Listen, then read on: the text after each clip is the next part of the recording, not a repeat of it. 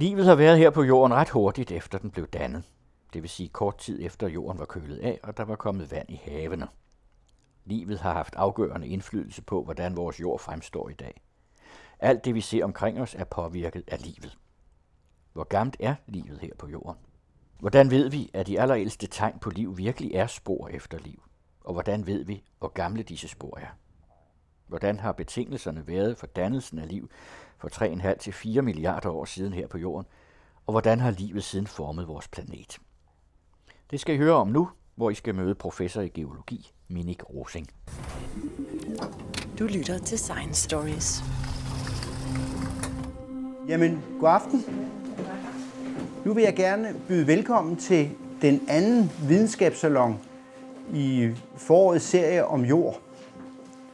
Og vi er så heldige, at vi har fået Mini Grosin til at komme og fortælle om det første liv her på jorden. Og sidste gang, der hørte vi jo om, hvordan jorden og solsystemet var blevet dannet af Anja C. Andersen. Og nu, nu synes jeg, at der må gerne, nu må der gerne ske noget på jorden. Ikke? så, øh, så derfor vil vi snakke om det. Formatet er, at jeg stiller øh, Minik nogle spørgsmål, som du så svarer på. Og jeg vil starte... Det er sådan nogle ja-nej-spørgsmål. Ja, det er sådan nogle ja-nej-spørgsmål, så øh, det bliver en kort seance. Og nu har de lige ude ja, ja, ja, ja. Men øh, jeg tænkte, for nu at indlede uden for et ja-nej-spørgsmål, hvordan de begyndte din interesse egentlig for sten og geologi? Ja, den begyndte, da jeg var barn, øh, med at øh, jeg rejste rundt i Grønland sammen med min familie, og øh, der, øh, når man er i Grønland, så er geologi meget tilstedeværende, og man kan se sten alle vegne, og man kan se formationer og former og strukturer og farver og den slags. Og derfor så, på det tidspunkt, der var vi på en øh, tur øh, rundt i, på hele vestkysten af Grønland. Vi skulle lave, min far skulle lave en film om den sidste konebåd, der fandtes i Grønland, eller i Vestgrønland på det tidspunkt. Så vi skulle med på sådan en lang jagt øh, eller fangstrejse med den her konebåd. Og der var vi børn så med. Og der lagde jeg så mærke til, at stenene de havde forskellige farver og former, og der var forskellige sådan, korn, mineraler og sådan noget i. Og det på en eller anden måde, det fangede mig. Jeg tænkte, at hver gang man så ind de her sten, så måtte der være en eller anden grund til, at de alle sammen var forskellige. Og det tænker det, det var bare meget nørdet, men helt vildt spændende at finde ud af, hvorfor de var forskellige, de her sten. Og så vel også noget om, hvilken historie de fortalte, ikke? Jo, altså det er jo det, at øh, det er jo det spørgsmål med, hvis man begynder først at spørge om, hvad, hvad, hvorfor de er forskellige, så er det klart, så er der nogle årsager, og det vil sige, at der er en eller anden historie gennem dem, og det er jo dem, man prøver at hive ud som geolog. Jeg tror ofte, øh, især de jer, der er gamle nok til at have haft øh, geografi i gymnasiet, hvor dengang man havde noget geologi og geografi, som handlede om at få den rigtige sten ned i den rigtige æske, og så var det sådan en eller anden postskalavik påfyr, ikke? den skulle ned i den her, den her skulle ned i den her. Og så man havde alle sten i den rigtige æske, så var opgaven løst.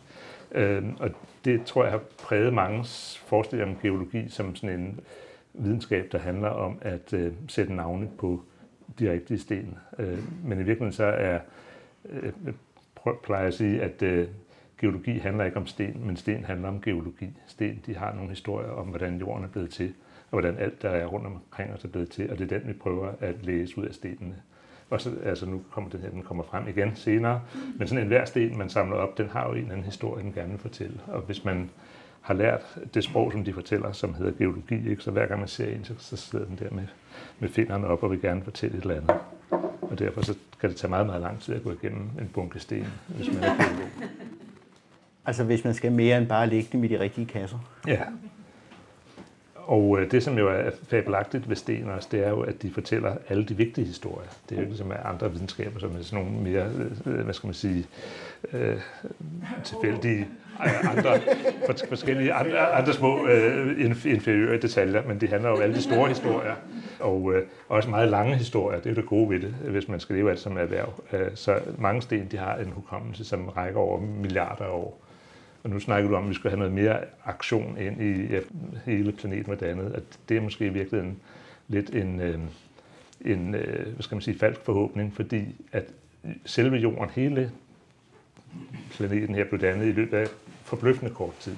Det tager meget, meget kort tid at lave en planet, en million år eller et eller andet den størrelseorden.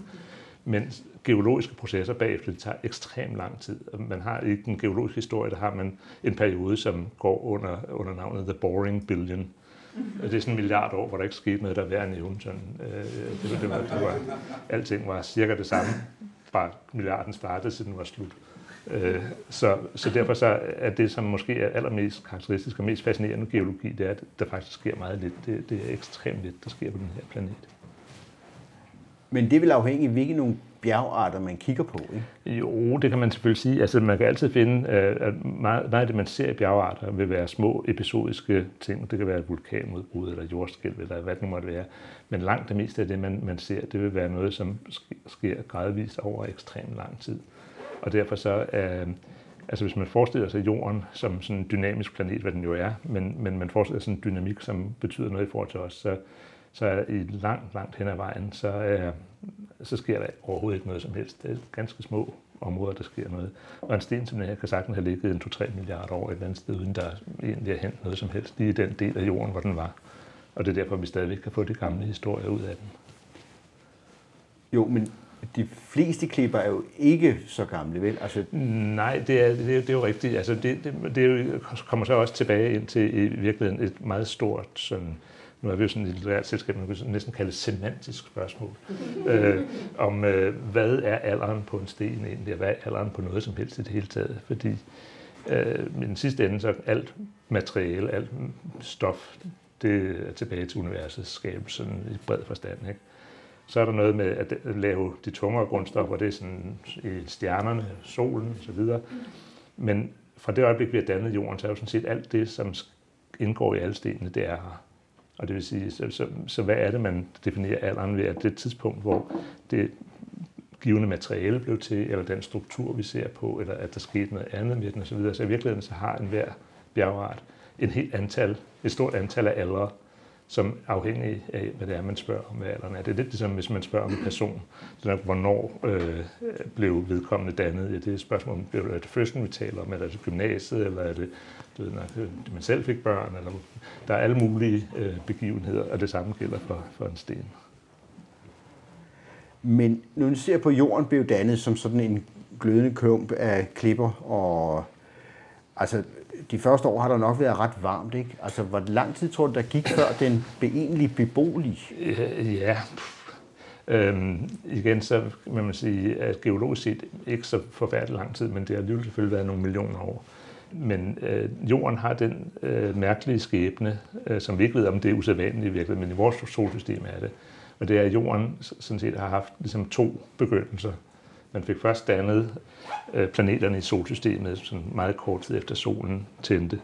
Øhm, men to af planeterne øh, var i meget tæt på det samme kredsløb, så jorden har haft en søsterplanet på størrelse med Mars og kørte i en bane, som var meget tæt på jorden. Og en eller anden dag skulle det jo gå galt selvfølgelig. Og så bimlede de to sammen. Og den begivenhed havde ligget måske 20-30 millioner år inde i solsystemets historie. Og efter den begivenhed, der har det i hvert fald været meget, meget varmt. Mm. Der ved vi, at øh, det, det er faktisk ret utroligt, at den her begivenhed med kollisionen, øh, det er den, der er årsag til, at vi har månen, men det er også den, der er årsagen til, at vi har den rotation, vi har, og vores akse, den står lidt smule skævt i forhold til, at vi har årstider, og alle de her ting, som vi opfatter som normale ting på en jord, det er i virkeligheden øh, fra en formodentlig forholdsvis usandsynlig hændelse, som skete en gang i vores solsystem. Og den har givet os alle de ting, som vi tænker, at sådan må det være på en jord, men, men det er faktisk ret underligt. Men efter det skete, at øh, den her kollision var, den var så voldsom, hvis du kan forestille dig, at du har en jord, så kommer der noget på størrelse med Mars og baller ind med nogle tusind kilometer i timen, øh, eller sekund, eller hvor hurtigt det nu har været så får du selvfølgelig lavet en kolossal masse varme, og det gjorde, at den, dels at du fik slynget, du fik slynget en masse materiale ud, som blev til månen, men du fik også fordampet en hel masse. Så efter det havde jorden en atmosfære, som bestod af bjergets damp, som har været nogle tusind grader, 4-5.000 grader varmt. Så atmosfæren var altså ikke vanddamp og kvælstof, hvad vi altså har nu, men, men simpelthen fordampet sten. Og den atmosfære, den har haft en ekstrem god, øh, den har været meget lidt, kan man sige, gennemsigtig for, for varmestråling, sådan holdt på varmen efter det her øh, begivenhed i, i meget lang tid. Øh, så er det begyndt at kondensere, så kunne du forestille dig ligesom at regne med små smeltede stendråber. Og så efterhånden er det regnet ud alt sammen, og så har man til sidst fået en, en jord tilbage, som så har haft en overflade, som begyndte at størkne. Og lige snart den er størknet, så begynder det hele system at køle ned, for så kan du ikke få varme ud igen mere. Så den varme, vi har inde i jorden i dag, det er restvarme for en del af det fra den her kollision, som bare ikke er sluppet væk endnu. Tag den.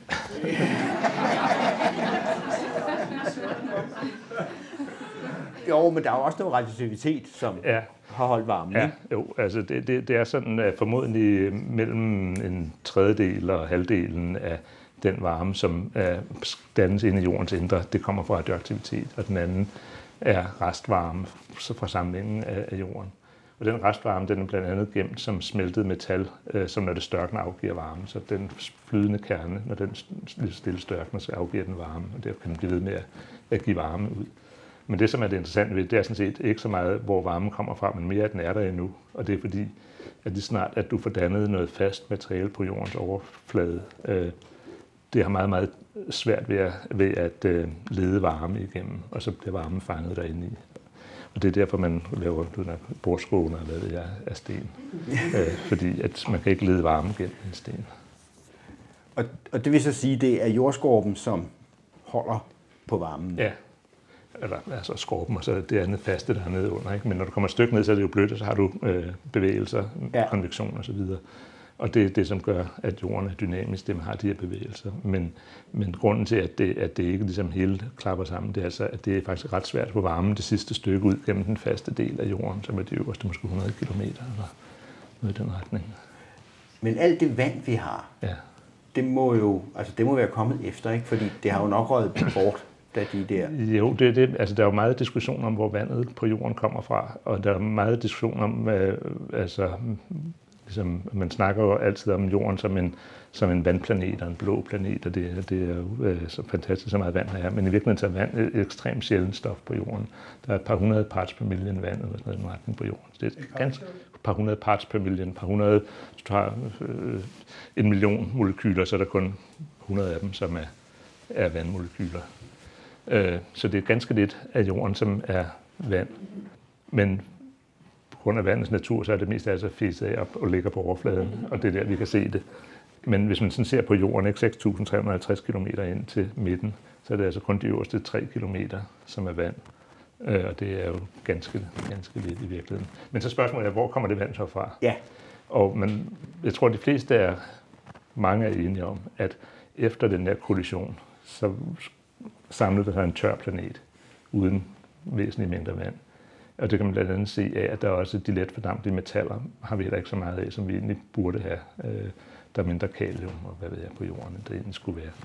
Så man tænker, at alt de let fordampede ting, det er sådan fistret af i den der proces.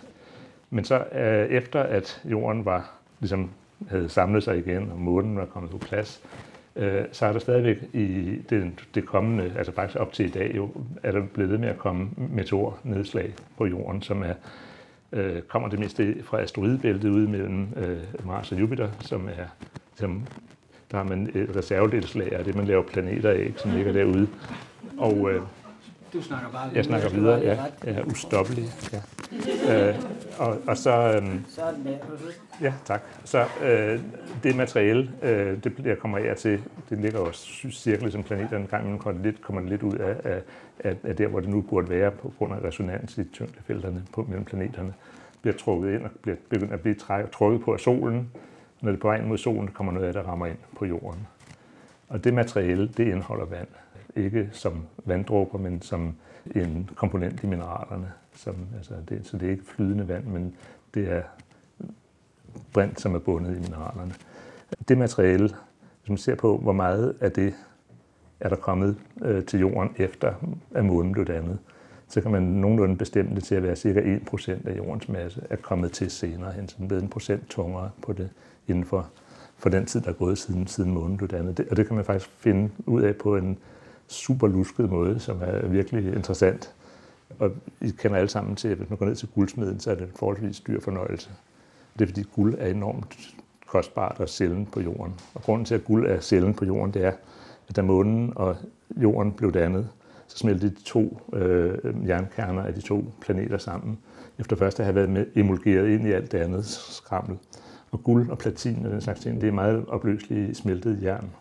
Så alt guld og platin, der var i hele det her system, det blev snuppet med ind i kernen af jorden, hvor det ligger. Og den smule, der er, det er det, der er kommet med de meteorsten, der er faldet siden.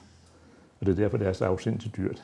Men ved at se, hvor meget guld er der øh, på jorden sådan i, i overfladesystemet, i forhold til, hvor meget burde der egentlig have været, hvis ikke vi havde haft den her begivenhed, så kan man se, at det er cirka 1% af jordens masse, som er kommet til ekstra, og som altså er årsagen til, at vi har øh, for eksempel guld og platin og den slags. Så der kan man regne ud, hvis man så ser på, hvor meget øh, vand er der i meteorsten typisk, så passer det meget godt med den mængde vand, vi har på jorden. Så det er i hvert fald en forklaring på, hvor vandet kommer fra. Den anden er, at vandet kunne være kommet med kometer, som er kommet til jorden. Det er også øh, ganske givet også noget, der er. Men man har målt isotopsammensætning af vandet på, i kometer. Ja, nogle af dem i hvert fald. Og der er ikke nogen af dem, der på nogen måde minder om jordens vand. Mens det vand, som er i meteorstenene, det er fuldstændig mere til jordens vand. Øh, så derfor så er det øh, efter min bedste overbevisning mest sandsynligt, at vandet på jorden, det er altså kommet ned med de samme meteorsten, som har taget guld og platin og andre herlige ting med. Men det vil sige, at og når vi kigger på liv, så er vandet jo afgørende, ikke? Jo, det er alle, tror jeg, enige om, at, øh, at, at uden vand er der ikke noget liv. Øh, og det er jo igen det store problem med at tale om liv, er jo, at der faktisk ikke nogen, der ved præcis, hvad det er, der definerer liv. Altså man kan beskrive nogle aspekter, som liv har, og som vi kan genkende det på. Men der findes ikke en entydig definition på, hvad det er, der er grænsen mellem, at noget er liv og ikke er liv. Og derfor så er det faktisk ikke helt simpelt at afvise, at der kunne være noget liv, som fungerer på en helt anden måde. Hvis vi faktisk ikke ved, hvad liv er for noget, så er det jo ret svært at sætte grænser for, hvad det kunne finde på. Men alt liv, som vi kender i hvert fald, øh, er afhængig af vand. Og det, jeg tror også, man kan sige så meget, at det kunne ikke være afhængig af et eller andet andet tilfældigt flydende stof. Øh, nu taler vi ikke rødvin, eller, men andre sådan, øh, øh, mere grundlæggende øh, molekyler. Fordi at vand er et helt ekstremt mærkeligt øh, stof, som øh, opfører sig anderledes end nogle andre stoffer, man kender på næsten alle parametre. Og det er netop den øh, mærkelige egenskab, de mærkelige egenskaber ved vand, der gør, at det kan fungere som, øh, hvad skal man sige, som bindeled mellem processerne i levende organismer. Og det er faktisk et kæmpe problem, når man prøver at undervise stakkels børn i, eller unge mennesker i fysisk kemi og den slags, fordi at øh, al vores intuition for, hvordan verden fungerer, den bygger på, hvordan vand opfører sig. Og der er ikke nogen andre stoffer, der opfører sig som vand. Så al, intuitiv, al intuitiv forståelse af fysisk-kemiske processer, den er forkert. Og det, det er jo altså noget skidt. Altså vand udvides, når det fryser. Det er der ikke nogen andre ting, der gør. Og det, det, altså, det, på alle parametre er vand et fuldstændig vanvittigt stof. Når vi nu taler om liv og jordens beboelighed, så det vil sige, hvornår kom det vand? Og Ja, altså det vand, øh, øh, jeg tror som sagt, at man kan sige, at det er i hvert fald kommet øh, efter den begivenhed, der skabte månen, for, altså, som var cirka 50 millioner år inde i, i jordens historie. Der kan man så lige huske på, at jorden altså, det er lidt over 4,5 milliarder år gammel, så for cirka 4,5 milliarder år siden, der begyndte det at komme. Og hvor lang tid det har taget at bygge det op, det tror jeg ikke, der er nogen, der har nogen særlig klar fornemmelse af. Men der er noget, der tyder på, at øh, i hvert fald for mere end 4 øh, milliarder år siden, for 4,2-3 milliarder år siden, der var der øh, flydende vand på jorden, der var have på jorden, er der noget, der tyder på. Og det kan man se ud af forskellige, altså det forskellige isotopsystemer, man kan se på, hvordan og hvorledes øh, jorden har opført sig i den periode. Så, så det, man, har ikke, man har ikke nogen sten, man har ikke nogen bjergarter på den tid, man Nej, har ikke nogen strukturer eller noget. Men man, gør, man kan ligesom, ud af den måde, jorden har fungeret geokemisk på, der kan man se, at der har med stor sandsynlighed været vand på, på jordens overflade. Det vil, sige, det vil sige, at der er et eller andet i jordens struktur og den måde, jorden er på, som siger os, at der for 4,2 milliarder år siden, selvom vi ikke ja. har noget, der er ja. så gammelt, ja. at der var vand allerede. Der var vand, ikke? Ja, det, er, det er der noget, der, og det, man kan altid diskutere den slags ting, men det lyder sådan set jo meget fornuftigt, fordi at øh, vi ved, at øh, for 3,8 milliarder år siden, der har vi helt tydelige spor af vand. Og vi, øh, altså på overfladen, øh, og, og vi har også tegn på, at livet har været til stede nu springer vi lidt frem i historien, skidt med det. Øh, men men der, man kan sige, at det, det ville være meget mærkeligt, hvis vandet var kommet ganske kort tid inden, og så var ligesom hele systemet på plads, øh, når vi ser de første, øh, når vi har det første kan man sige, håndgribelige tegn på, på, hvordan jorden virkede. Ja, for jeg kan huske, dengang jeg begyndte at læse biokemi, og det er mange år siden, der lærte vi om de der ursåbe-ting, og, og der, der tænker jeg altid, at den første celle må virkelig have taget tid at lave. Altså at forestille sig, hvordan man, altså når først man har den første celle, okay, så, så er der darwinisme på banen, og så skal mm. det nok gå. Mm. Men hvor lang tid er der gået fra, at jorden var klar, til at det første liv er kommet? Det er jo igen, altså det er jo en af de ting, som man øh, har meget, meget svært ved at forestille sig, fordi det er jo umuligt at forestille sig, hvordan man laver den første celle, og hvordan man laver liv. Men jeg tror, man kan lige så godt vende sådan set det argument om at sige, at hvis ikke man kunne lave den første øh, celle på 10 minutter, skulle man heller ikke lave den på en million år. Altså, der er ikke den helt store forskel på 10 minutter og en million år, hvis man skal tænke på alt det, man skal samle sammen for at få en celle til at virke. Ja. Og man kan sige, at det, at det er meget svært at forestille sig, at du kan bygge sådan en gradvis op over meget, meget lang tid og få det hele til at blive ved med at ligesom være i orden og på plads. Og, og tænk på også, at mange af de organiske molekyler, som skal indgå og sådan noget, de er jo øh, super ustabile og har det normalt ret dårligt i jordens overflademiljø. Så, så jeg tror egentlig hellere, jeg vil sige, at hvis man skulle sætte sig for at have lavet noget liv, så er det en god idé, at man havde en eller anden øh, hurtigt forløbende proces i et meget begrænset volumen et eller andet sted, som så tilfældigvis lige rammer ind i det. Det vil sige, at man skulle have nogle små aflukker, ja. hvor der skete noget. Ja, og det, det er jo noget af det, man snakker meget om. Det er, altså, der, der er jo mange problemer selvfølgelig i, i hele det her. Hvis man tager en enkelt celle, så er der i den jo kolossale mængder af funktioner for det første, og kolossal mængde af forskellige organiske øh, forbindelser. Øh, Øh, men der er i særdeleshed også en meget høj koncentration af dem i forhold til, hvad du kan have opløst bare i almindelig, altså måske i hønsekødssuppe kan man have noget, der minder om det, ikke? Men, men, men ellers, hvis man forestiller sig, at man bare havde de åbne vandmasser, så er det jo meget svært at forestille sig, at man kunne have koncentrationer af organisk stof, der på nogen måde kommer bare øh, hen i nærheden af, af, af hvad det er i en celle. Så man er nok nødt til at forestille sig, at man har nogle, øh, haft nogle øh, lokaliserede miljøer, hvor man har på en eller anden måde kunne opkoncentrere det materiale, som man skulle bygge den første celle af, eller ikke man, men som den første celle skulle opstå af. Og øh, der, altså, der er nogen, der, der tænker på noget, der minder om for eksempel øh, sådan gejseragtige miljøer, hvor du kan øh, få noget fordampning og regeneration, altså efter, ligesom få hele tiden fjernet vandet og, og kogt suppen mere og mere ind. Ikke? Og man taler om, at man kan måske have lavet det på nogle templates, altså nogle, ligesom nogle man får det øh, organisk materiale til at binde på nogle overflader, så det bliver koncentreret der. Og det kunne måske endda være nogle overflader, som er med til også at skabe noget struktur, som svarer til, hvad en, en cellemembran skal, skal have. Eller sådan noget tidevandsnåde, ikke? Ja, noget tidevand skulle det også. Men igen, tidevand, det, det kræver jo, at du har altså store mængder åbne vandmængder, og det, igen, det er meget svært ja. at få ting koncentreret. Altså, jeg tænker, der, bare gå, der er ikke noget væsentligt tidvand, gå ned til Slusholm og se, hvor meget vand der kommer igennem der, bare på, på 0,5. Ikke? Jo, jo, og så har man, altså jeg tænker mere, når det bliver æbe, så har man de der ja. indtørrede steder, ja. ikke? Men uh, man har jo kun 12 timer, så... Ja, øh... ja så er den gal igen. Ja. ja. Men altså, jeg, jeg tror, at det, det er jo sådan en ting, som er super øh, behagelig at snakke om, fordi i virkeligheden er der ikke nogen, der har den ringeste anelse om, hvad retning man skal gå. Men det, man kan gøre, det er, at man kan øh, dele af de her ting, kan man reproducere eksperimentelt, og dele af det kan man også finde i geologiske miljøer. Men, men stadigvæk så er jo springet fra at have ligesom fundet noget, hvor du kan måske lave noget, der minder lidt om en cellemembran, så til at få den fyldt med funktioner og alt muligt andet, og at være selvreproducerende. Der, så, der, altså det er jo, det, jeg vil våge påstå, at der er ingen, der har den ringeste anelse om, hvordan det er sket.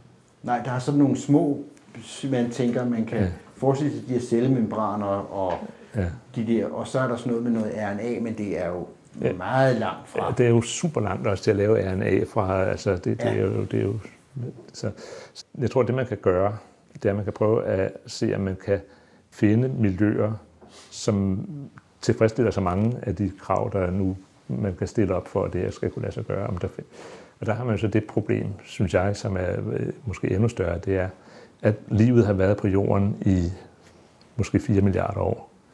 Og er der noget, som har påvirket jordens måde at være jord på, så er det jo livet.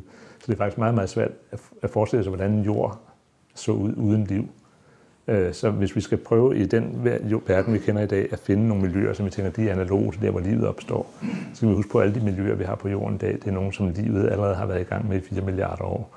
Øh, og derfor så er det jo øh, altså, ekstremt svært at se, hvad, hvad det så skulle være. Ikke? Og det er jo en af grunden til, at det er så ekstremt interessant til Mars for eksempel, øh, at se på, hvordan ser en planet, hvor der er enten ikke noget eller meget, meget lidt liv, øh, hvordan ser sådan en egentlig ud.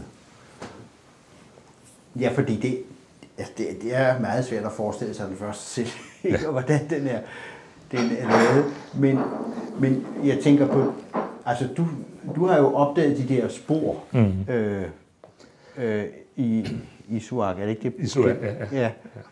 Er det simpelthen sådan et stykke Det, det er sådan et stykke af den her sten, og vi kan godt lade den gå rundt. Øh, jeg har en gang, ja, det har jeg tit gjort, jeg var en gang ude til at holde et andet på et eller andet gymnasium, og en eller anden snot unge stjal den. Øh, så, øh, så nu får I en anden. Men det gør ikke noget, hvis den kommer tilbage igen. Men altså, du har fundet nogle spor efter meget, altså, der er ligesom to spørgsmål, ja. ikke?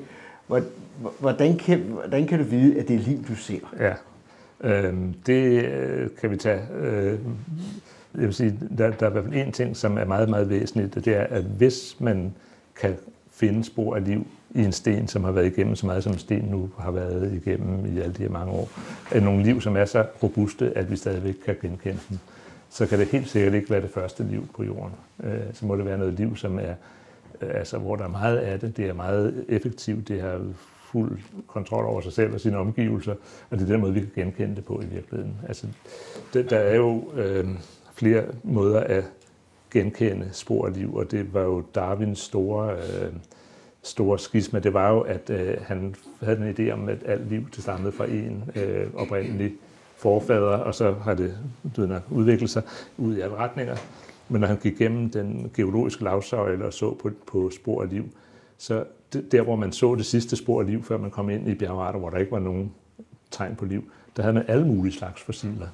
Og det passede jo meget, meget dårligt med teorien.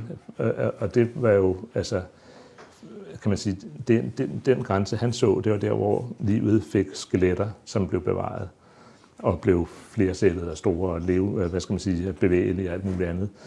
Men tilsvarende kan du sige, hvis du så kommer ned i den mikrobielle del af livet på jorden, så kan vi jo kun se det, når det er i stand til at gøre markante forandringer på det miljø, det lever i. Det er dem, vi kan se.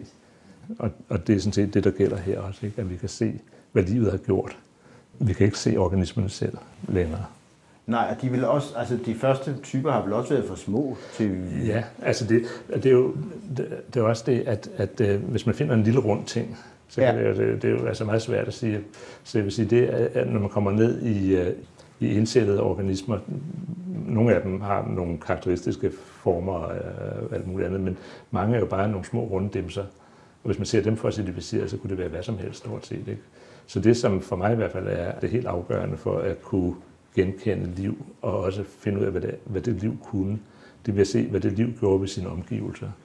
Fordi det, det, altså der, der er jo, hvis man nu skal være meget, øh, vi skal vi hører ikke være hjemme før ved 11-tiden. Altså, nej, nej, nej, tænkte jeg. nej men, øh, men det vi kan, kan sige, det er, at en jord uden liv på, eller en planet uden liv på, der forløber alle processer jo i retning af mod et kemisk ligevægt. Det vil sige, at man har spontant forløbende processer, som hvis du har to ting, som med to substanser, som ikke er kemisk ligevægt, så vil de reagere med hinanden, så får du en tredje og fjerde osv. Og det er fuldt forståeligt at, få, at forudsige alt muligt andet. Og det, som er så øh, specielt ved liv, øh, eller i hvert fald en stor del af livet på jorden, det er, at det er i stand til at skabe gradienter, som går den modsatte vej af dem, som naturligt vil opstå.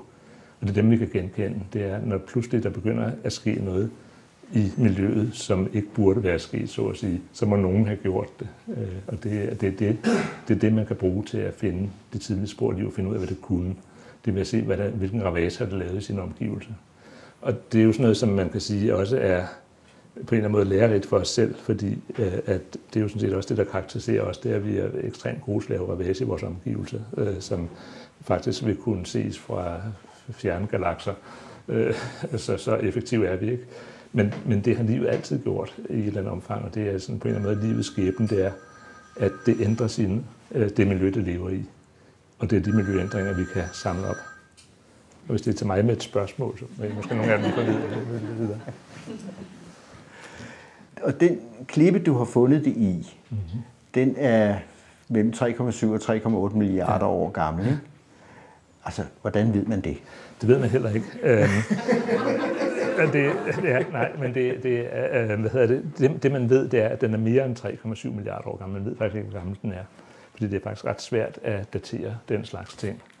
Men det, man kan se med de her sådan, øh, gamle... Det, du har den her sten, der kører rundt, som er sådan en lavdelt sediment, sådan en fin, fin øh, lag. Der har været nogle sprækker i den på et eller andet tidspunkt, hvor magma er trængt igennem, og man kan se, at de magma øh, over der, de skal lige igennem alle lagene, og derfor kan man sige, at det må være kommet ind senere, end den lavdeling blev dannet. De her magmatiske lag, de indeholder et mineral, som hedder zirkon, som er sådan en meget robust lille mineral, som indeholder noget uran, som bliver til bly over tid. Og forholdet mellem uran og bly i zirkonen, det bliver bevaret, fordi det er en meget robust mineral, så derfor kan man beregne alderen af den meget, meget præcist. Og den her øh, uran-bly øh, timer, der er i, den starter i det øjeblik, at granitten størkner. Så man kan sige, at den trængte ind, størknede fem minutter efter, og der startede stopuret, og så kan man måle det nu, hvor langt der er gået, og den siger altså så 3,7 milliarder år. Men det eneste, det viser, det er altså, at det er ældre end 3,7 milliarder år. Men vi ved ikke, hvor meget. Det er formodentlig 3,8, måske, altså højst op til 3,9 milliarder år. Men, men som sagt, vi ved det faktisk ikke. Og grunden til, at det ikke er ældre, det er fordi, så skulle der være sket mere med det, hvis der var gået så nej, længe? Eller? Det, nej, altså man, det, man, kan se, altså, man, kan godt, man kan godt datere bjerg, de her bjergarter sådan nogenlunde, men ikke særlig præcis. Den her lille cirkon kan man datere helt ekstremt præcis. Man kan sige, den er 3.701 plus minus 100.000 år, eller sådan noget, altså meget, meget nøjagtigt. Mens øh, selve stenen, den, den der grå sten, den kan man sige, at den er cirka 3,7 til 3,9. Sådan kan vi godt indkredse det til, men vi kan ikke sige det mere nøjagtigt. Er det så nogle andre radioaktive isotoper, man bruger til Nej, det? det, det er sådan ikke, det er de samme radioaktive henfald, men fidu, altså det der problemet, det er, at den der sten, I kan næsten se det på den, at den er ikke tæt for noget som helst. Det vil sige, at noget af uranen kan fistre ud, noget af blyet kan, noget kan komme ind udefra osv. osv. Så det er ikke et fuldstændig lukket system, ligesom den der lille robuste krystal. Og det er det, der, oh, altså, det, så det er ligesom, at du har et timeglas, og der er et lille hul her, det er en revne, det er noget, sandet løber ud, og, og så videre. Så hver gang sandet løber lidt ud, så er der nogen, der kommer og stiller lidt på stopudet? Ja, ja så, så derfor så er det meget mindre præcis, hvis du har en, en sten, som ikke er fuldstændig lukket i forhold til de ting, som man er, som man er interesseret i at måle. Jeg har også hørt dig fortælle i radioen, at da du så de der ting første gang, der troede du først ikke, at det var spor af liv, men så blev du ligesom overbevist af data. Ja, øh, jeg skal sige, da jeg arbejdede, startede med at arbejde der øh, inde i det område, så var det ikke for at lede efter spor af liv. Og jeg var selv fuldstændig overbevist om, at der ikke ville være nogen spor af liv i noget, der var dels så gammelt, men også fordi, at selvom jorden er kedelig og ikke der sker ret meget, så er der altså alligevel de her sten har været udsat for forholdsvis mange frygtelige ting gennem, gennem tidene. Så derfor, så, altså, så to ting var, ifølge alt, hvad man vidste på det tidspunkt, var der ikke liv på jorden dengang. Og, og nummer to var, hvis der nu var nogle små skrøbelige spor af nogle organismer, hvordan skulle de så være overlevet gennem alt det her onde, den her sten havde været igennem. Men der var to ting, som gjorde sig gældende. En var, at det lykkedes at finde et lille parti af de her klipper, hvor de havde været lidt mindre ondt igennem end alle de andre. Øh, og det vil sige, at de var ikke deformeret så meget, som man ikke længere kunne genkende strukturen i det. Det var så det var den ene ting. Og den anden var så, at der var noget kulstof i dem, som øh, man kunne se var en del af det oprindelige sediment. Øh, kulstof kan man få ind i bjergarter på alle mulige måder, på alle mulige tidspunkter i, i jordens historie. Men det, man kunne se her, det var, at det var noget, der var faldet til bund sammen med det ler, som havde dannet skiferen. Så det må være noget, der faldt ud af havet i en anden form. Og så kan man begynde sådan at resonere lidt over kulstof. Og næsten alt kulstof på jorden, det er stort set altid bundet til ilt, enten som koldioxid eller kalksten eller en kulsyre i vandet, hvad det nu måtte være. Og frit kulstof, det er noget, vi altså, i al praksis kun får, ved, når liv er involveret. Så det, så det var den ene ting, at når man så pludselig, at det ligesom var regnet ned med, med kulstof på bunden af det her øh, ocean på det her tidspunkt, så var der noget meget usædvanligt ved det, øh, og det usædvanlige pegede på liv. Men så den anden ting, som så er, er der, hvor, hvor man ligesom var nødt til at, at acceptere, at det var spor efter liv, efter min overbevisning, det var at isotoperne, at det, der er to stabile kulstofisotoper, hvor der er rigtig meget af den ene, som hedder kulstof 12, og så er der meget lidt af den, der hedder kulstof 13 i sådan generelt i jorden. Vi ved præcis mængdeforholdet mellem i luften og i havet og inde i jorden og alt, hvad det nu måtte være. Men vi ved også, at øh, når levende organismer tager CO2 fra luften, så gør de, den proces, den forløber meget mere effektivt med kulstof 12 end med kulstof 13. Og det betyder, at organisk stof, det har et mindre indhold af kulstof 13 end det kulstof, der ellers er i atmosfæren. Så hvis man sammenligner en tot af dig med luften omkring dig, så vil der være omkring 20 promille mindre kulstof 13 i dig end i luften omkring dig. Og man, man går ud og tager, øh, går ned i havnen lige hernede, lige uden for døren, ikke, og tager et lille akvarienet tager lidt plankton op, og så analyserer det, så vil man få, at det har mm, 25 promille mindre kulstof 13 end normalt kulstof sådan omkring det. Og det, som jo så er det helt vildt ejendommeligt bizarre, det er altså, hvis man tager den der sten, som har ligget i 3.800 millioner år eller den retning, og analyserer kulstoffet, så det kunne hjælpe med den samme sammensætning, som det, man vil tage op af kanalen herude i dag.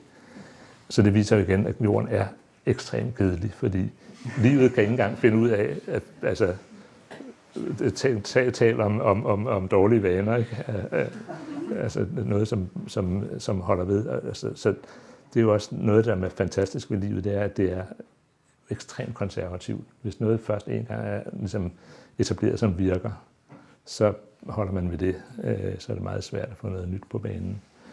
Og det er jo også noget af det, du selv arbejder med, men også det her med jo, at, at selv med højere livsformer, som vi tænker, så sker der en masse nyt, men det er jo, det er jo at højere livsformer er jo også sat sammen med komponenter, som alle mikroberne kan.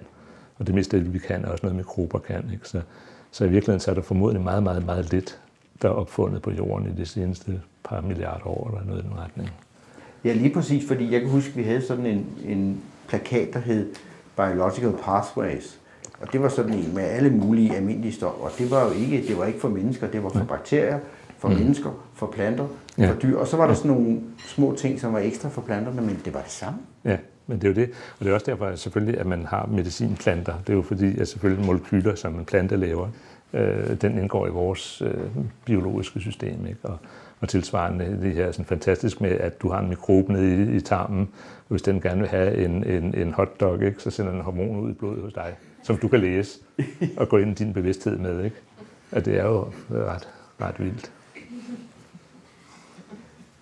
Men når man nu ser sådan på jordens og livets, hvad skal man sige, historie, så får jeg nogle gange en fornemmelse af, at der er sådan nogle korte perioder, hvor der sker en masse, og nogle lange perioder, hvor der næsten ikke sker noget.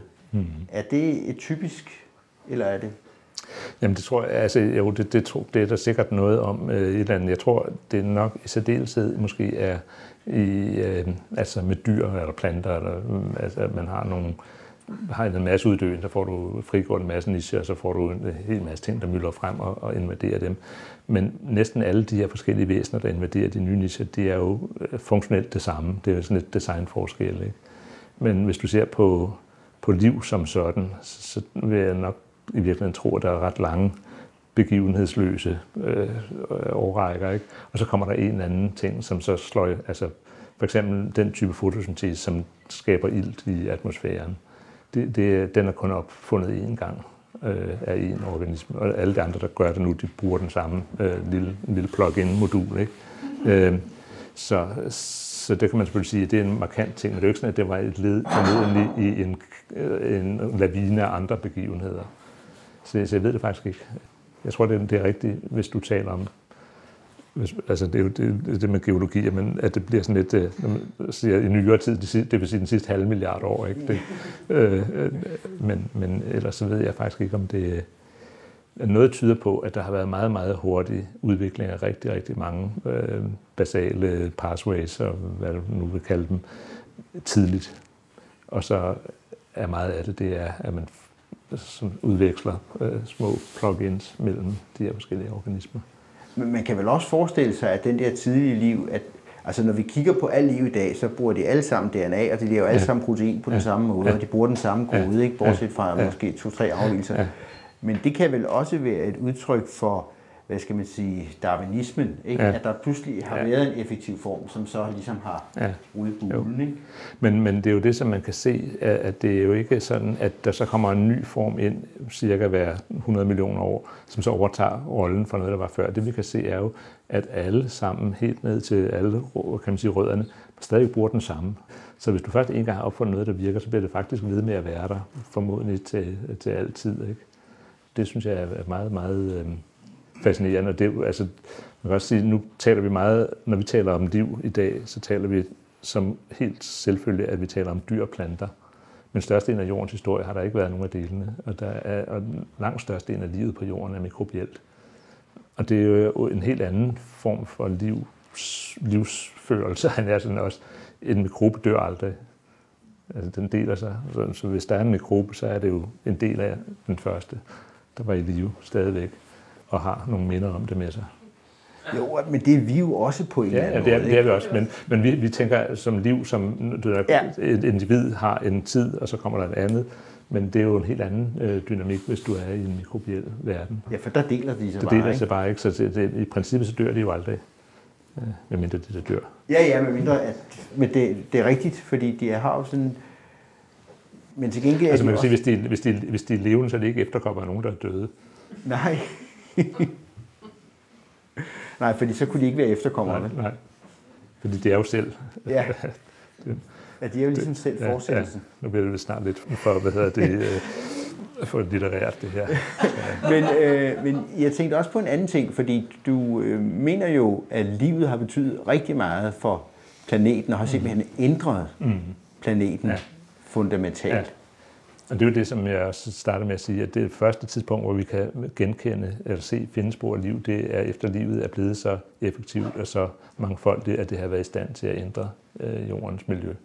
Det er det, vi kan erkende. Ikke? Og, og der, altså, den måde, at man kan prøve at forstå det på, det er jo øh, ved at, øh, altså igen det her med, med den meget dynamiske jord, som prøver at undersøge, hvor meget hvor dynamisk er jorden egentlig, så den bedste måde at gøre det på, det er at finde ud af, hvor meget energi omsættes der inde i jorden. Og det har at gøre med det, vi snakker om før, den her varme, som er derinde. Der er ekstremt varmt inde i jordens indre.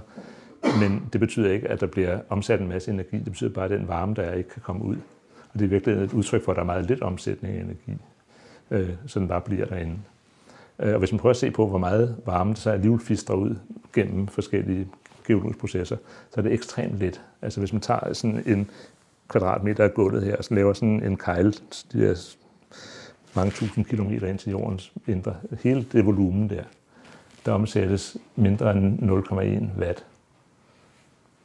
Og det er jo altså, så sådan en, en lampe som den der, ikke, den, altså, det så er en moderne og energivenlig og alt muligt andet, så omsætter du meget mere energi i den, end du gør i hele den, altså fra hele rummet, vi sidder i og ned til jordens indre, jordens, jordens centrum.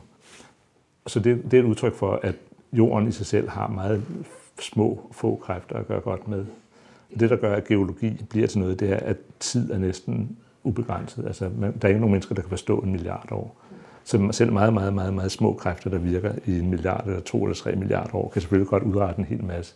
Og det er det, vi forveksler, fordi vi ser i vores egen tidsperspektiv. Så forveksler det som om, at det er dynamik. Man ser sådan en foldet helt bjerg, ikke? der er sådan, hold da ferie, det må have været gået vildt for sig. Ikke? Men hvis det har taget 400 millioner at lave den der, ikke? Øh, så, så er det måske alligevel ikke så, så, så voldsomt igen. Ikke? Og det er jo det, det, er jo det med dem, som man ikke kan forstå. Men hvis man så tager som, som, øh, som kontrast til det, øh, hvor meget energi de levende organismer omsætter, fordi de kan tappe sollys og, og bruge det til deres formål, så er det altså væsentligt mere energi, der omsættes af de levende organismer, og det bruger de til at ændre deres miljø. Og altså, vi kan jo se det på, øh, hvis du ser en, øh, det er jo sådan en helt øh, dagligdags ting, men hvis du går ud og ser på sådan en gravko herude, ikke, så er det jo fossil øh, øh, solskin, du hælder i tanken på den, som noget liv har ekstraheret. Og med det, der kan du lave, øh, altså, du kan lave en helt geologisk formation på en eftermiddag, ikke? som det vil have taget jorden selv øh, ekstremt lang tid at, at lave. Så, så de levende organismer, det er dem, som har helt klart en afgørende indflydelse på, hvordan jordens overflade miljø øh, er. Og det er jo sådan noget igen, at apropos det med, man tænker, hvordan, må, hvordan skulle en jord vel egentlig være, men der er jo ikke nogen ting i vores overflademiljø, som er givende, sådan bare fordi vi har en planet. Altså det er for eksempel, at vi er ved 20 grader, så vi nu har 15 graders gennemsnitstemperatur på jorden. Eller at atmosfæren har en atmosfæres tryk, som det har vi jo selvfølgelig sagt, den har, ikke? men at vi har det tryk, vi har, det er jo også fuldstændig, altså det, det kunne være hvad som helst. Og alle de her forskellige parametre, det er nogen, som styrer sig liv. Det trykket, atmosfærens tryk, styres af et enkelt enzym, som er nitrogenase, som er det, der tager, øh, som planter eller levende organismer bruger til at tage, tage kvælstof ud af atmosfæren. Det er det, der regulerer, hvad trykket på jorden er. Sådan stor grad. Resten af det er ild, det er også fra liv. Ikke? Altså mange af de parametre, vi tænker, det her, det er sådan er jorden nu i gang. Det er den overhovedet ikke. Det er noget, som livet øh, dels er ansvarlig for, men også på en eller anden måde vedligeholder øh, gennem sine aktiviteter. Og det er jo sådan noget af det, som måske er, er forskellen mellem jorden og Venus. Ja, vi har øh, ligesom en kustodetjeneste her, eller hvad hedder det, gårdmands øh, tjeneste, som sørger for at holde, holde skidtet øh, nogenlunde i balance. Venus har af en eller anden grund ikke opnået den funktion, og der er nu 500 grader på overfladen, og det er ikke noget specielt venligt sted at være, selvom det er en planet, som i udgangspunktet var fuldstændig med til jorden. Jamen, du siger jo også, at livet måske også har skabt øh, granitten, altså øh, ja. fjellet. Ja, men det, det, altså, det kan man så sige, det, det er så et lidt længere, også lidt længere ud på landet historie måske, men det er sådan en historie, som det er muligt, at den ikke er fuldstændig sand, men den er i hvert fald heller ikke helt forkert. Øh, og det, det, og det er det, man skal holde sig i selvfølgelig, holde sig til, hvis man, hvis man arbejder med det slags, det er selvfølgelig at holde sig til alt det, hvor man i hvert fald ikke tager fuldstændig fejl. Og det i sig selv, synes jeg, hårdrejsende nok, at det ikke er helt forkert. Og det, man kan sige om granit, man kan sige mange ting om granit. Der laves mange frygtelige ting af det. For eksempel, du kan købe ud langs, øh, langs øh, udfaldsvejene til, til, til de større byer. Men øh, granit er jo det materiale, kontinenterne består af, som er et let materiale, og som derfor flyder højt på jordens kappe nedunder, og det er derfor, kontinenterne stikker op.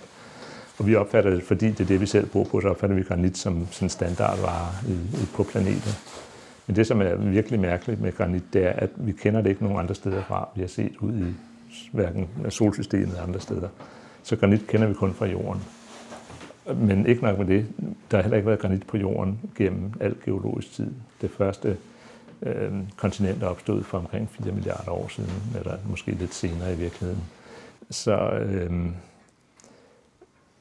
så der er et eller andet specielt ved det. Det, det første halve milliard år af jordens historie fik den ikke taget sig sammen til at lave noget som helst granit. Og så begyndte det pludselig, og så begyndte kontinenterne at vokse, de voksede lige siden og de vokser stadigvæk i dag med en lille smule. Hvis man så prøver at, at, at se på den skal man sige, serie af processer, som ender med at blive til granit, så starter den med basalt, som er, sådan, vi kender alle sammen basalt, en mørk bjergart, man har på Island og Hawaii og alle mulige andre steder, sådan sort lava, der kommer ud. Ikke? Det er den samme bjergart, som du har på månens overflade, på Mars overflade, Venus overflade, asteroider alle vejen. Det er sådan standardproduktet på, på planetagtige himmellegemer. Ikke?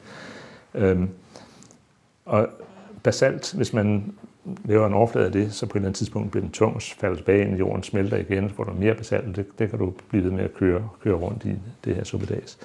Men der er det interessante ved det, at hvis du udsætter basalten for kemisk forvitring, altså man laver en om, omdannelse af det ved at reagerer med luften og vandet, hvad det ellers er, så dannes der nogle nye mineraler, som smelter ved en lavere temperatur, og det de smelter til, det er granit, som så stiger, lettere stiger til værs den ligesom, det, mm, argumentrække, man kan lave, det er, at øh, den forvidring, som gør, at man kan smelte en lille smule granit ud af basalten, den er afhængig af, at havet og atmosfæren det er ude af kemisk ligevægt med basalten. Så nu tænker man bare havde en planet, hvor du havde noget vand og noget luft og noget basalt. Så når der er gået 14 dage, så var alle de tre ting i ligevægt med hinanden, så vil der ikke ske mere. Så vil de alle sammen være, være glade for hinanden, og der, der alt er godt. Men hvis der er et eller andet, som opretholder en ulige vægt mellem, så vil forvidringen blive ved med at forløbe og så bliver ved med at lave granit. Og det er det, mit argument er, at den ulige vægt, den skyldes, at de levende organismer er i stand til at lave kemiske gradienter. Fordi det er lige præcis det, som er det centrale ved liv, det er, at de laver kemiske gradienter, i stedet for at skal man sige, nedbryde kemiske gradienter. Og det gælder for fotosyntese, hvis man har fotosyntese. Så mit argument er, at, at hvis man ikke havde fotosyntese, ville man ikke have kontinenter på jorden så var vi jo på den. Det vil sige, uden for, så var det bare sådan en vandplanet med, med ja. en 2,5 km vanddybde ja, i gennemsnit? Ja, noget i den retning, ja. ja. Et kæmpe stort svømmebassin. Ja, ja. Der er rigtig, rigtig, rigtig mange sammenfaldende, kan man sige, men, men forskellige artede argumenter, som tyder på, at vi ikke havde noget land, der stak op fra, fra jordens overflade for 4 milliarder år siden. Blandt andet det faktum, at vi havde flydende vand. Det er jo sådan en anden ting, som er også er fantastisk mærkeligt. Det er, at vi forstår alle sammen, at selvfølgelig, at øh, vores årstider, og hvornår vandet fryser og tør og sådan noget, det har noget at gøre med solen. Det er solens varme, som gør, at jorden er varm nok til, at vandet for det meste er flydende. Det vil man tænke, jamen, hvorfor skulle det så have været anderledes i gamle dage? Men det er faktisk jo sådan, at stjerner som vores sol, de har en livscyklus. Og hvis man går tilbage for 4 milliarder år siden, så var vores egen sol, den var 25 procent svagere, end den er nu. Det vil sige, at jorden burde have været totalt dybfrossen der burde overhovedet ikke have været flydende vand på jorden. Så det er jo så et mysterium. Hvordan kan det så være, der var det? Og en af grundene til det kan være, at du ikke havde kontinenter, som er lyse i forhold til havoverflader, som er mørke. Så hvis man havde en planet, som var fuldstændig dækket af hav, så ville du have en mørkere planet, som sugede mere af den øh, mere sparsomlige solvarme til sig på det her tidspunkt. Så der, der er rigtig mange brækker, man kan sidde og lege med det her og lave nogle, nogle øh, forrygende løgnehistorier ud af. Nå jo, men, men det der med, at det er en historie, som, øh, som man ikke ved om er sand, men heller ikke er helt løgn. Mm. Altså, det vil, altså, for mit synspunkt er det jo netop sådan, videnskab er. Ja. Det, altså, det er jo det, der med det, jeg vil sige, det, det, det er jo det der med det, at det fangende ved det, det er jo, at man kommer aldrig frem til en endelig sandhed om noget som helst. Men det, at man kan begynde at i hvert fald overbevise sig selv om, at der er øh, fragmenter af, af hvad skal man sige, den øh, opfattelse, man har, som, som faktisk lader sig underbygge af noget, man kan observere. Det er jo så, så langt, man kan komme, og det er jo det, der med, øh, som er en del af, af det sjove ved det. Men jeg synes, det er alligevel, som er det aller sjoveste ved det, det er jo de, rigtig mange ting, hvor man netop apropos den der intuition, vi talte om før, eller bare i ens egen fordom og sådan noget, at man er helt overbevist om, at sådan må det da være et eller andet indtil man begynder at undersøge det rigtigt. Og det viser at det overhovedet ikke er sådan, som man kan være fuldstændig 100% overbevist om, at det burde det være. Det, det, det synes jeg, det er altså, fordi, man kan sige, der hvor man øh, bare bekræfter sin egen fordom, der har man jo ikke fået så meget nyt med hjem. Men, øh, men det, altså det, er, det, det, det, det er virkelig sjovt, de der tilfælde, hvor man, hvor man finder ud af, at det, man forestiller sig, det er totalt på hovedet af, hvad virkeligheden er. Men det er også ikke, det, nogensinde er sket for mig, selvfølgelig. Nå nej, men det er jo også det, der er spændende ved, ved videnskaben, at der er den der diskussion og den der debat mellem forskellige kredser, og nogle gange kan den blive sådan lidt, øh, lidt ond i sulet, ikke? men der er jo trods alt alligevel en diskussion. Ikke? Jo, det er der, og det, og det, det skal der jo altså, øh, selvfølgelig være, og det, det, altså, når den er konstruktiv, hvad den jo altså faktisk er til er, øh, så, så er det jo øh, kan man sige, øh, jo også der, at man tit finder ud af, at altså det, det er jo det problem, vi alle, det tror jeg, vi alle sammen kender, at man har en diskussion mellem to eller flere mennesker, og den tager altid udgangspunkt i, at en af dem har ret, hvilket jo er næsten usandsynligt. Altså det mest sandsynlige er, at begge tager fejl selvfølgelig på, på, på, hver sit, på hver sit grundlag. Jamen det er rigtigt. Altså, vi tror, vi, altså selv hvis, hvis jeg står og diskuterer, jeg er overbevist om, det er mig, der har ret, men som anden hypotese er, i hvert fald, så må den anden have ret, hvis ikke jeg har det. Ikke? Men, men altså, størst sandsynlighed er selvfølgelig, at begge to er fuldstændig galt på den. Og det er jo der, at man kan sige, at de her diskussioner, de ofte så alligevel øh, giver noget ekstra, fordi man finder ud af, at alle parter egentlig har taget fejl. Men at deres forskellige fejltagelser, det er med til at indsnævre så det er rum, hvor, hvor en eller anden form for sandhed så ligger øh, på en helt anden måde, end du nok det enten det her eller det her. Du får hegnet det ind. Øh, så, så det er jo det, der er, er det, det gode ved sådan en konstruktiv øh, debat. Ikke? Ja, vel også at dem, man er uenig med, også har ret. Ikke? Jo. Men det er jo det, man finder ud af. Ja, men alle sammen har sådan set, øh, kan man sige, tager lige meget fejl, men det, at man, man erkender det, det giver sig en, en helt ny viden om, hvor så øh, ligesom fænomenet befinder sig henne. Ikke? Jo, og, og den der tankegang med at diskutere det kritisk og diskutere det med hinanden, ikke? Det, er ja. jo, det er jo det, videnskaben er god til, når den er allerbedste. Ja. Og så det forbandede lidt er selvfølgelig, at det jo er irriterende, når du står på. Men det er først bagefter, man altså, modstræbende indrømme, at det var måske meget gavnligt. Det er også, man har et eller andet manuskript i review, og så får man de her kommentarer tilbage fra en eller anden nød, ikke ude der, så siger ej, du det var irriterende. Men så efterhånden, som man så arbejder sig igennem, så, så til sidst tænker man, det var sgu godt, at jeg fik, fik reddet den her, inden, inden det kom ud. Ikke?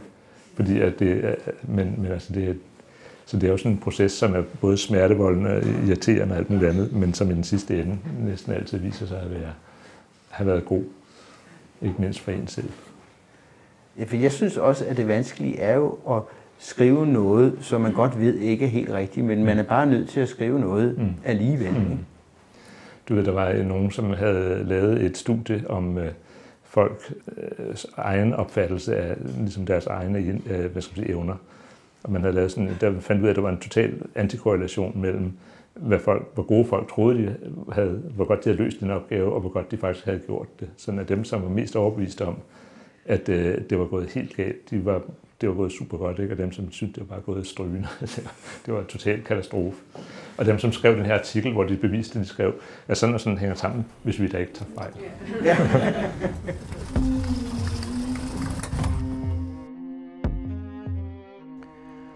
Det var geologiprofessor Minik Rosing, som fortalte om det første liv og om livets betydning for jordens udvikling til et oplagt publikum ved Science Story salongerne. Moderator var Peter Warning. De videnskabelige salonger fortsætter i efteråret med temaet vand. Se mere på Science Stories hjemmeside.